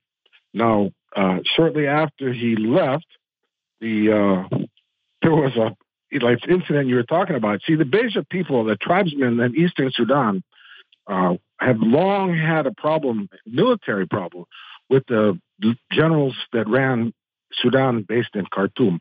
The Beja actually, along with the Eritreans and the Rashaida tribes, launched an attack 20 years ago in, across to cut the Port Sudan highway and 2003. And, and after a few weeks with the Eritrean commandos, really the hardcore, defeating the Sudanese attempts to reopen the highway, they forced the uh, General Bashir gangster clique to begin negotiations for the first time, serious negotiations with John Garang's uh, Sudan People's Liberation Movement. So the Beja and the Sudanese government have been going at it hammer and tongs for years. Now, recently, you know, the Beja has kind of mellowed out since Bashir was down, but they've been up and down, blocking highway from Port Sudan and you know fighting about the marginalization because they've been suffering from marginalization for a long time. For the fact is, the Beja were actually a part of the originally a part of the Italian colony of Eritrea. And they were Eritreans, and they were given to Sudan by the British after they defeated the, the Italians in World War II. So, the, historically, the Beja didn't look to Khartoum as their capital; they looked to Asmara. So, to have the the boss man from Khartoum show up and say, okay, this is going to be our next capital, which is what Burhan has been saying, because he got run out of the old capital. You know, the Beja are like, wait a second. And, and, you know, so to have fighting breaking out because the military intelligence I think they were fighting with are actually, a lot of them are leftovers from the old gangster Bashir regime that still kept on in the Burhan regime. So, any case, uh, you know, it's been uh, a lot of uh, a lot of blather in the international media. The uh, people calling for the mainstream media saying that the uh, Wagner is in Sudan and that uh, you know that uh, all these sort of stuff like that. It, it's the Russians are coming, you know. So uh, you can't trust half of what you're hearing, and, and unfortunately, all of my sources are basically and left Sudan in the last few months. So, you know, we're having to kind of rely on a educated guess about what's going on. Uh, another uh, Sudan, Sudanese related story. The U.S. sanctions deputy leader of the Sudanese paramilitary force, RSF, um, Abdelrahim Dagalo.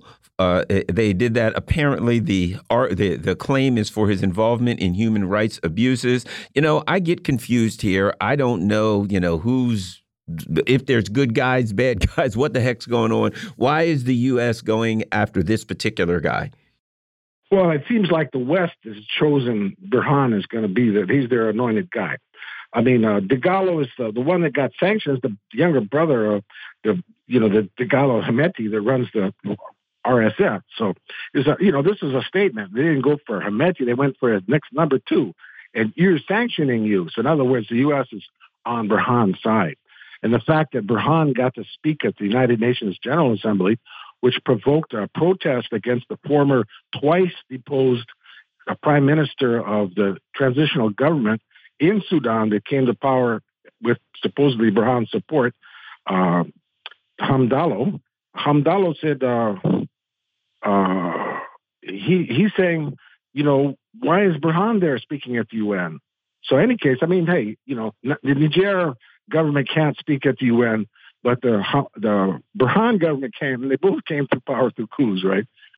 So where's the U.S. hand? What what that tells me is the U.S. hand is on the tiller here. Well, they're definitely waiting, trying to weight the scales on the matter of public opinion internationally. There's everybody like, okay, Hemeti's bad. We have to sanction them, right? He's a, they're war criminals. So I mean, Burhan's Air Force has been bombing hospitals and civilians and it's become internationally recognized in in Khartoum and areas that you know because the RSF has basically taken over the capital, Khartoum, and uh, even down in the western Darfur, most of Darfur now is being coming over to the RSF. So, you know that leaves Port Sudan and Burhan, and yet everybody's you know he's the guy. They're sticking with him. So, uh, you know how long that's going to go on, we don't know. But uh, you know, Hemeti, the RSF has captured a lot of ammunition from the Sudanese uh, army warehouses that were just stocked full. And, uh, you know, they, their army basically ran away and left them for Burhan to capture. So he's got we- weapons and ammunition to fight for a while. But uh, I don't know, you know, the how long the Sudanese Air Force will be able to continue bombing and and uh, keeping the RSF at bay. But uh, after they completely capture the Sudanese army headquarters in Khartoum. The next step will be moving to uh, Eastern Sudan, but they're going to have a tough one if they go up against the Beja because the Beja used to be in Eritrea. They had bases in Eritrea back 20 years ago. And they've got the military that was participated in fighting with the Sudanese army has, is ba- still based up in the mountains, the Beja Mountains, uh, close to the border of Eritrea. So the Beja are no pushover. They're a big tribe and they got they're well armed and battle hardened. And uh, if Hemeti tries to come and take them over by force, it's going to be tough. But, uh, you know, this is all really sad because Sudan, you want peace in Sudan. We don't want to see Sudan, Sudanese killing themselves. But who knows where this is all headed? But uh, it's been kind of a up and down a couple of weeks now. And another story, major story for the region, and of course Egypt, which is in the midst of the uh, of, of that conflict, is is is, is uh, involved in in this. The second round of trilateral negotiations surrounding the Grand Ethiopian Renaissance Dam, which ho also holds immense significance for Egypt and Sudan, have ended in an on an inconclusive note, with Ethiopia pledging to continue talks in good faith. What are your thoughts on that dam? Well, basically, all the all the major points of contention were settled a couple of years ago. The only point that has not been settled in terms of the division of the water of the Nile is when there's a major drought. And uh, Egypt is demanding that all the water from the Nile go to them, none being kept by Ethiopia. And Ethiopia is going, uh uh-uh, uh, that's our water. If there's a major drought, if there's just a little bit of water, we're going to keep it. So, but you know, this is in case of a major drought. Of course, historically, there have been major droughts, you know, over the millennium, and some of them famous seven years long that brought down uh, Egyptian whole empires, you know. So, uh, but, you know, right now they're pretty much settled everything except for this major last sticking point. So I'm kind of wondering what the big brouhaha about is. Well, could the, could some of the other issues in Sudan be be impacting these negotiations over the dam? Well, Egypt, you know, they they like to throw the weight around, and they like to show for public consumption in Egypt that Egypt's not going to just let Ethiopia push them around. So this, uh, you know, historically the the Egyptian regime, the Arab regime, I mean, because aren't they the Egyptian Arab Republic? Uh, uh, they're, you know, they look down upon their Sudanese and you know, and especially the Ethiopians. So the fact that Egypt was always considered that water, that's ours. You know, I mean, no Ethiopia is saying no, it's actually on our on Ethiopia. So the Egyptians are, you know, El Sisi is in a kind of tight spot uh, ec- economically. You know, and he's trying to juggle a couple of hot ones, hot potatoes with the UN and U.S. in one hand and Russia in the other, and uh, he's got public consumption to deal with, and you know, time is getting tough because there's a really bad inflation in Egypt. So he's going to have to posture and make noise and say, "Hey, we're, you know, we're fighting for Egypt. We're not letting Ethiopia push us around." But you know, and the bottom line is they basically settled the major problems. Unless there a drought comes up, hopefully that won't happen. So, but it, it's inevitable probably. But I don't know what the big deal is about this negotiations. Well, again, say, staying in that area, Somaliland says no to unification talks with Somalia. Somaliland's government says it's ready to move forward separately from Somalia. It rejects Uganda's proposal for mediating reunification talks. How dangerous is that? Could that end in some kind of conflict? Well, you know, Somaliland came about at the very end of Siad Barre's very illustrious career when he was sick and starting to, you know, was dying. He was in a downward spiral. And the Somaliland people in the north was given autonomy by Siad Barre. And then when he died, they declared their independence. Now, Somalia has never, in history that we know of, ever had one king that ruled over all of Somalia. Never. No one king over all of Somalia. They've had generals that led wars and invasions of their neighbors, but never one king until Siad Barre came along with the Italian giving the Italian colony of Somalia and became the first real president. So, you know, Siad Barre was, you know, a real Afri- Pan Africanist leader. I mean, he gave support to the uh, independence movements like uh, MPLA and, you know, Angola and Mozambique and to the Eritreans and into the South Africans that, that nobody else really gave. I mean, really serious, like giving them in diplomatic passports, their leadership to travel on and other things. So, you know, Siad Barre was a real hero. And at the end of his life, he didn't want to go and launch a fight a war with the Somaliland people who saw their chance to maybe get some autonomy. And he gave them autonomy. And then they, after he died and Somalia fell apart, of course, then the U.S. invaded and their Black Hawk down and ended any chance of Somali unity or reunification. But uh, Somaliland has been declaring himself independent for a long time. And Somalia said, why don't you come back to us? And they said no. So it's kind of predictable. Is there any, because when you look at the map and you see that Somaliland is uh, closer to the, well, they're both on the Gulf of Aden, but Somaliland would have more control over what comes out of the Red Sea than Somalia would have. Any concerns about oil shipments and controlling of that very narrow strait? Well, you know, this, okay, the very far north is what they call Puntland. And then in the middle is Somaliland, and the south is Somalia proper. So, mm -hmm. you know, Somaliland has the port of Berbera, which is, you know, about the only really major port around there. And the Ethiopians and other people have been talking to them about bringing in uh, foreign developers to develop the port there. It's because the port in Djibouti is over capacity. So, uh, you know, Somaliland is hoping that they're going to have a share of the, the supposed oil wealth that that uh, is going off the coast of, of Somalia. So, you know, Somalia and Kenya have been fighting over the, the, the maritime demarcation because one, the way the Kenyans want it, it's going to take a big chunk of that those, those offshore oil fields and gas fields. So, you know, Somaliland looking to the future and saying, hey, we're going to, maybe we're going to get a chunk of that, that uh, energy money in. So we don't want to have to share it. We want to keep it for ourselves. Well, as always, Thomas C. Mountain, thank you so much for your time. Greatly, greatly appreciate that analysis. And we look forward to having you back. Okay. Folks, you're listening to the Critical Hour on Radio Sputnik. I'm Wilmer Leon. I'm joined here by my co host, Garland Nixon. There's more on the other side. Stay tuned.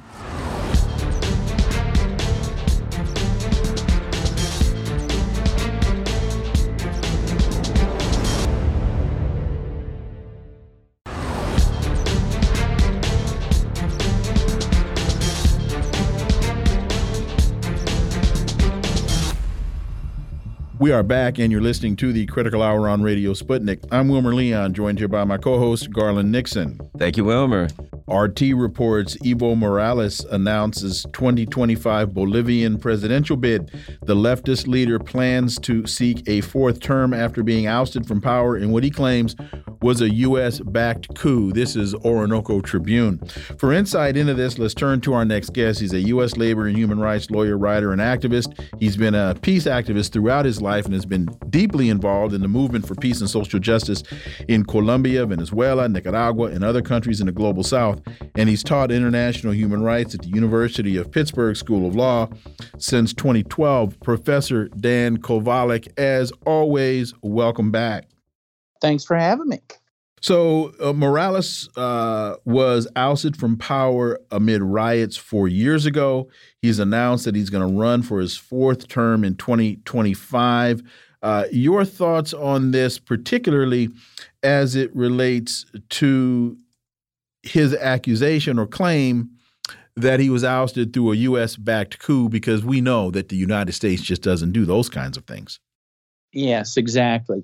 Well, you might remember that Elon Musk, uh, after the fact, seemed to admit that it was a coup for lithium. In fact, he said, We'll coup anyone we want.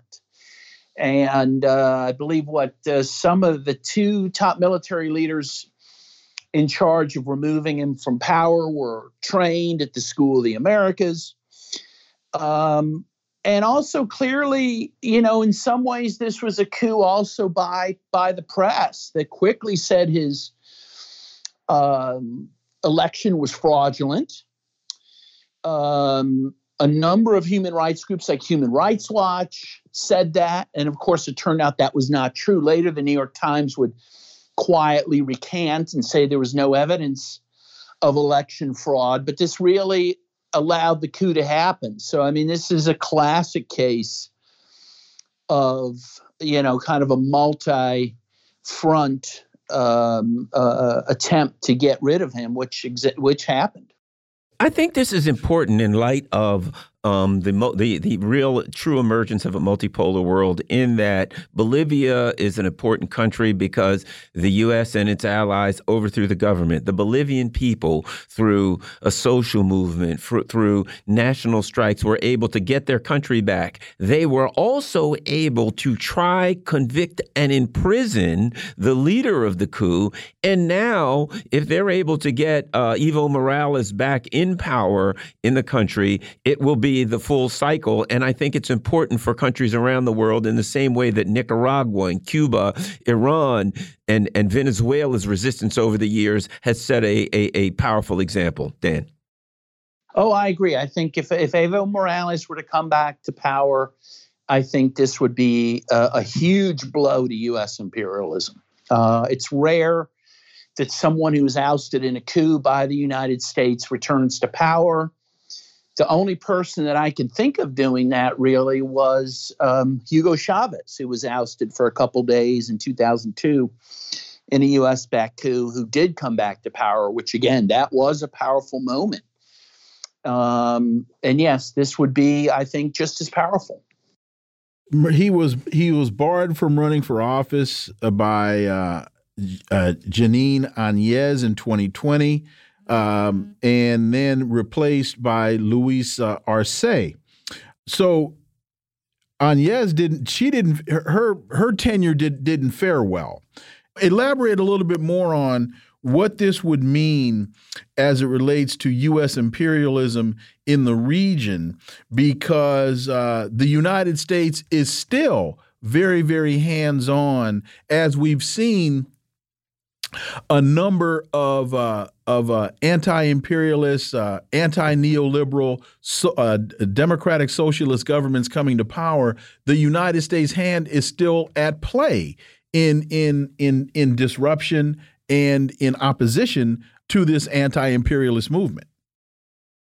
Yes, well, in fact, it appears that the U.S. was behind the recent coup in Peru Mm-hmm. And yeah, the U.S., of course, is continuing to be active trying to overthrow Daniel Ortega in Nicaragua, Nicolas Maduro in Venezuela, and also to overthrow the revolution of Cuba. Yeah, so for someone like Morales, again, to come back to power after being ousted in a U.S. backed coup would send a message the U.S. can't have its way. um, with these countries. It would be a really um, inspirational development, I think, for Latin America in particular. You know, the when when when I was last time I was in Venezuela, Evo Morales was Rafael Correa was there, and Evo Morales was there, and he was received as a hero. You know, round of applause, etc. He has become, you know, part of the face of resistance, but not just the face of resistance too. To me, because of the economic success that he had, the face of um, brilliance, the face of competent leadership. I think that this man has become on the continent and in the world something really major, and his return will not just be the leader of that country or as a you know the return of the leader of the country but as the leader of anti-imperialism particularly in the continent on on the, on the Latin American continent. Your thoughts? Well absolutely. And I it was significant that he was I believe the first indigenous leader to be elected in the Americas certainly um, in modern times. And that was hugely symbolic, I think, for the people of the Western Hemisphere. And as you said, he became a world leader, denouncing U.S. imperialism, speaking up for his allies like Hugo Chavez in Venezuela. Um, you know, I remember him giving the Pope um, a crucifix shaped like a hammer and sickle you know, I think he enjoyed doing it too. He had a lot of fun poking poking fun at at the empire, you know, and I think he won a lot of a lot of hearts and minds with with that. There's an interesting piece in Haiti Liberté, a military intervention intervention in Haiti is another problem, not a solution.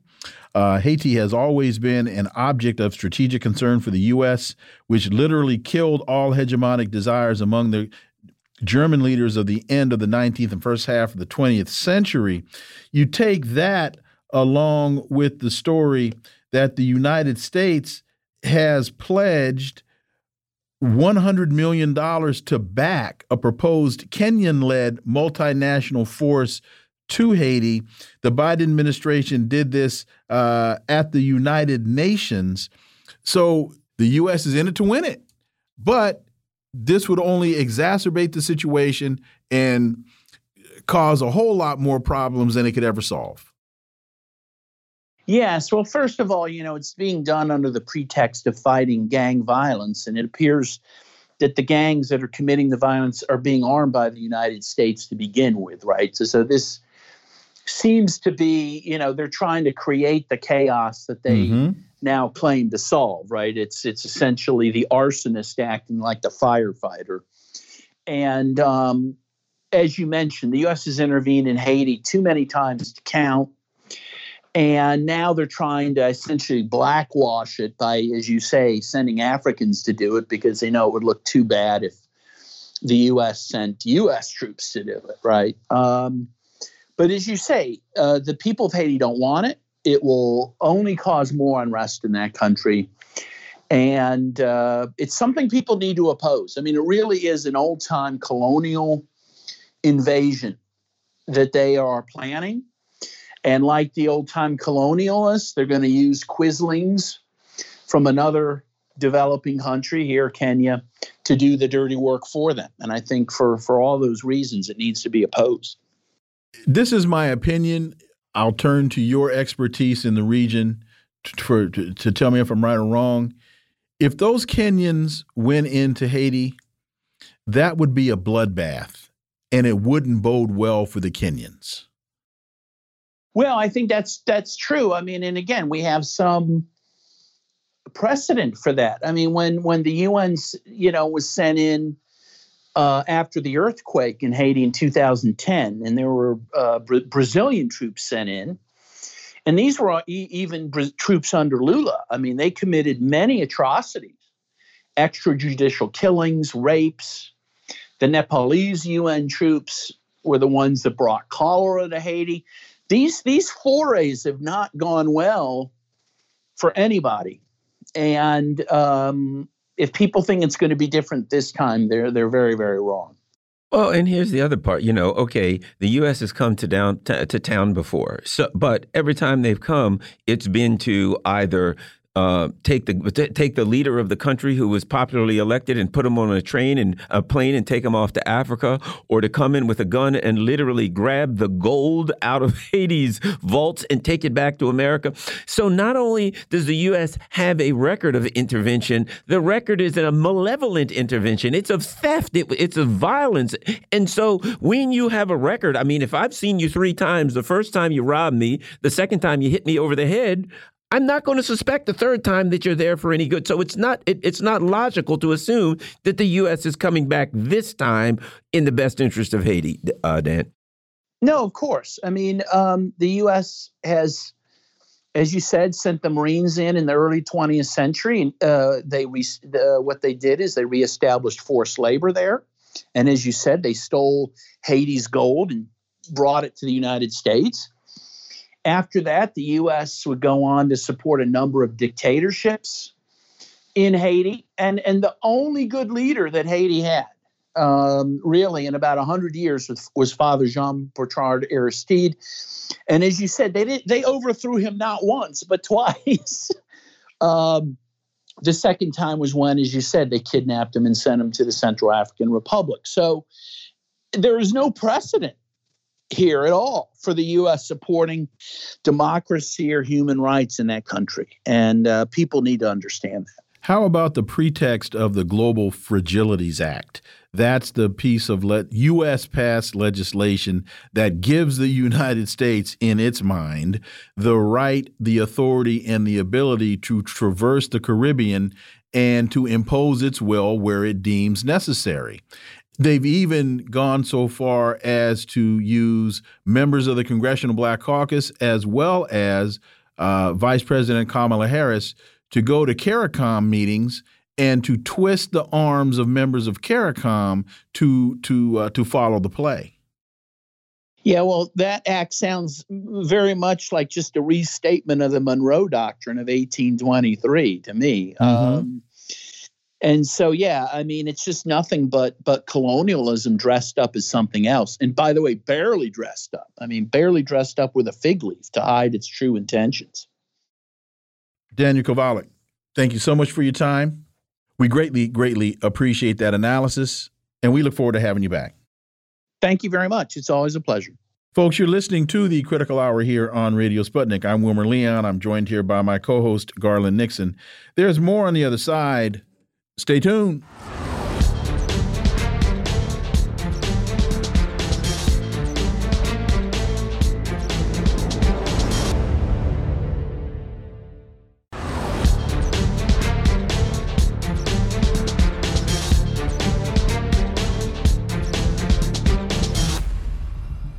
We are back, and you're listening to the Critical Hour on Radio Sputnik. I'm Wilmer Leon, joined here by my co host, Garland Nixon. Thank you, Wilmer. ScheerPost has a piece entitled, I Was the Only U.S. Official Imprisoned Over the Torture Program because I opposed it. The only person associated with the CIA's global torture program who was prosecuted and imprisoned was the man who blew the whistle on it, John Kiriakou. For insight into this, let's turn to our next guest. He's a former CIA counterterrorism officer and a former senior investigator with the Senate Foreign Relations Committee. He became the sixth whistleblower indicted by the Obama administration under the Espionage Act, a law designed to punish spies. He served 23 months in prison as a result of his attempts to oppose the Bush administration's torture program. And he's the author of this piece, John Kiriakou. As always, John, welcome back. Thanks so much for having me. You write, when you joined in 1990, you did it to serve your country and to see the world. You believed at the time we were the good guys. Seven years after joining, you made a move to counterterrorism operations to stave off boredom. You still believed we were the good guys and wanted to help keep Americans safe. Almost immediately, your team began capturing Al Qaeda fighters at safe houses all around Pakistan. What was it that changed your perspective, John Kiriakou? Well, it happened pretty quickly. Uh, not necessarily overnight, but still relatively quickly. After the 9 11 attacks, like everybody else in the building, I volunteered to go to Afghanistan to do whatever was required of me to, to fight, to translate you know, uh, in interrogations uh, with Arabic speaking prisoners, whatever was required of me. Instead, I was sent to Pakistan as the head of counterterrorism operations. And um, I noticed that many of my colleagues just decided that that international law and and treaties relative to human rights, treaties that we were signatories to, uh, just simply didn't matter anymore. That bothered me very much. But what finally did it, what pushed me over to the edge, to the other side, really, was this decision to create not just a torture program, but a program of illegal international renditions and an archipelago of secret prisons. Uh, I knew in my heart this was illegal in addition to being immoral and unethical, and I wanted no part of it. Well, you know, John, and I think uh, uh one of the things here uh, that that that you came face to face with was this this particular idea, and and it is the American exceptionalism is kind of founded on this. We're the good guys, but why? Are we the good guys based on what we do, based on our actions, or are we just intrinsically, are we assigned by God or whatever? We are made the good guys, and we're the good guys because we are the good guys, and therefore anything we do is good. And I think that's the kind of the philosophical question that you came face to face with. Oh, that's such a that's such a good and important point. Um, and I think that our problem is there's no national consensus on this. Uh, I believed we were the good guys because I believed that we were that we were global leaders on issues of human rights and civil rights and civil liberties, despite the fact that we've had problems of our own. But I believed that as a as a nation, as a people, this was something that we stood for. And I came to realize that just wasn't true. Some of us did, sure, but you can't you can't be what Ronald Reagan called a, a shining city on a hill, and at the same time uh, disappear people or kidnap them and send them to other countries to be tortured, and just pretend that it's not happening. You just can't do it. They're mutually exclusive. You explain in your piece how this archipelago of foreign prisons was designed that these prisoners were you, were being told that they were being sent so that they to these prisons so that they could be tried. You say that you came you come you came to find out that trial was not at all uh, the intent and that you use the case of Abu Zubaydah as an example and you say the problem with charging a defendant at Guantanamo has proven to be uh, has proven to be several fold explain the problems with charging at Guantanamo. Right. So, you know, Guantanamo is supposed to be the place where the worst of the worst are kept. That may or may not be true. But the point is that originally people were supposed to be kept at Guantanamo for a period of two or three weeks, which would have been long enough for us to determine in which federal district court they would be tried in. That never happened. They weren't kept for two or three weeks. They were kept for 22 years so far.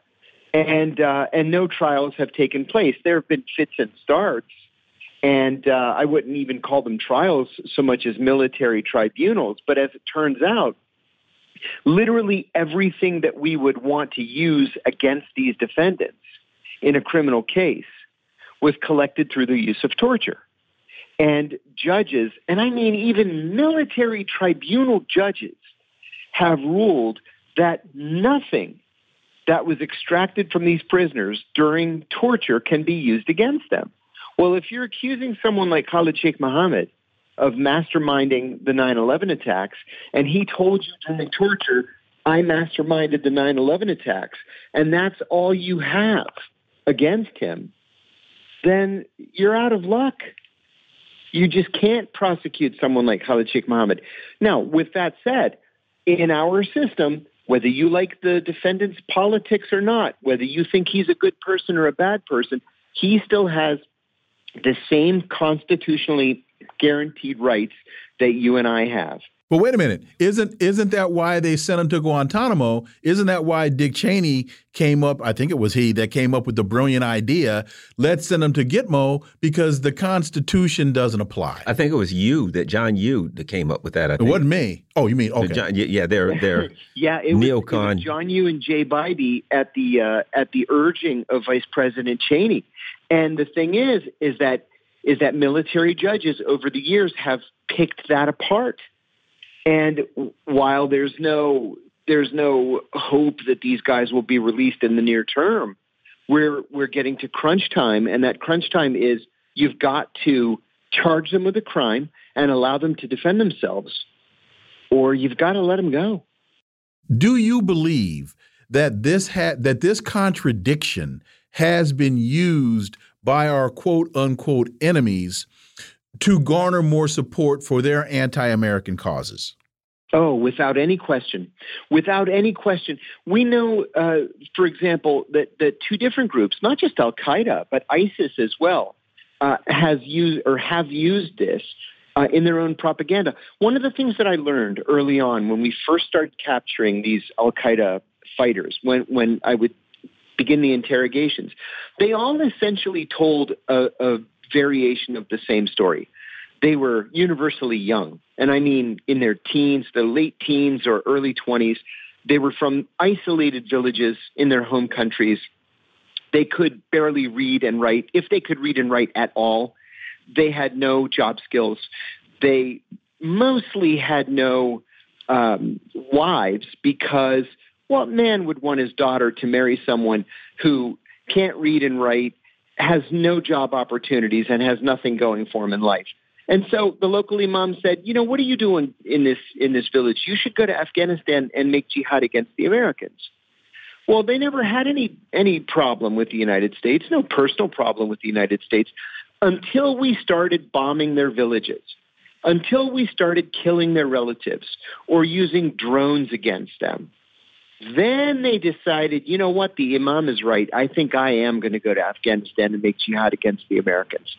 And then in, in places like Syria and Iraq, when we were fighting ISIS, whenever Westerners would be captured, whether they were uh, uh, aid workers or uh, journalists, for example, we would always see in the end um, videos of these poor hostages wearing the same kind of orange jumpsuit that we were forcing Guantanamo prisoners to wear as ISIS was beheading them. And so, sure. I remember. Whole, I remember pictures of. Yeah. Mm-hmm. Go ahead. I, I go. Oh wow. yeah.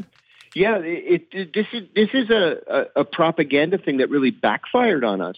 We were going to get tough with terrorism. Well, we're also supposed to be this shining beacon of democracy and, and rule of law. So, what, what's it going to be? Are we just going to put people in orange jumpsuits and hold them forever without ever charging them with a crime and then express phony shock when the other side does the same thing? And, and you know, because the, there's a word we're talking about here, and, it, and, and, and here's the word justice. Well, all we are all talking, all you are talking about, all we're saying is you expect justice being the the rights of the accused. What we're talking about here is when a person is accused of a crime, they should have certain rights. You know, and we know Sixth Amendment, speedy trial. We go on and on about the rights, but they should have certain rights. And I think what you're saying is you had an expectation that there would be justice, that there would be rights, and you saw that the people around you uh, had no expectation that justice need to be meted out. That with them, it was they were just vindictive. We've got people here. We're going to convict them. It was like a trial by ordeal. We'll beat you and waterboard you, and sooner or later we'll convict you, John. That is exactly right. That is exactly what happened. I was specifically told by a senior CIA officer that this would happen. That when I say this, I mean that that there would be justice. Guantanamo was supposed to be a temporary way station. We were capturing so many people, we just couldn't process them quickly enough. And so, sure, you put them in Guantanamo, where you don't have to worry about them for a few weeks, and then you send them either to Boston, to the, the Southern District of New York, to the Eastern District of New York, the um, Eastern District of Virginia or the Federal District of Washington, D.C. And then we could show the world that we really are a nation of laws. These people had committed terrorism and conspiracy to commit terrorism against the United States. And by God, we were going to give them their day in court and make sure that they were punished appropriately. And that never happened. We have just two minutes left. How does Abu Ghraib factor into this? There's a Middle East eye piece. U.S. has failed to compensate Iraqi victims of torture, says a Human, a Human Rights Watch says this. Uh, how does Abu Ghraib factor into this? Yeah, Abu Ghraib uh, was a was a cherry on top of the of the torture program.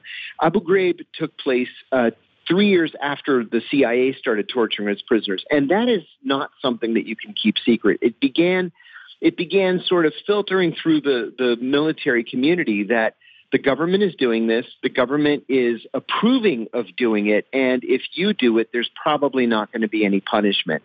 And so it's it was a slippery slope, and a lot of people slid down that slippery slope. Finally, uh, they were outed. The lower level people were punished, and uh, the U.S. government promised the victims of Abu Ghraib torture that we would make things right with them. Those were empty words, and nothing was ever done. And you mentioned lower people were punished. Bloody Gina, she didn't pay. We, we got a minute. No, in fact, I, I wrote an op-ed in the Washington Post when Gina Haspel was uh, was named CIA director, saying, you know, you want to uh, name a woman CIA director, that's great, but I can introduce you to a dozen women who would be fantastic CIA directors. Why promote Gina Haspel? The message that you send to the CIA workforce when you promote a known torturer like Gina Haspel to director is go ahead and break the law. Not only will you never be punished, but you'll actually be hmm. promoted hmm. and you can Got even it. become the director of the CIA. John Kiriakou, as always, thank you so much for your time. Greatly, greatly appreciate that analysis, and we look forward to having you back. Thanks so much for having me. Take care. Folks, you've been listening to the Critical Hour here on Radio Sputnik. Thank you for allowing our voices into your space. On behalf of myself and my co host, Garland Nixon, we hope you were informed and enlightened, and we look forward to talking with you all right here tomorrow on Radio Sputnik. Be safe. Peace and blessings. We're out.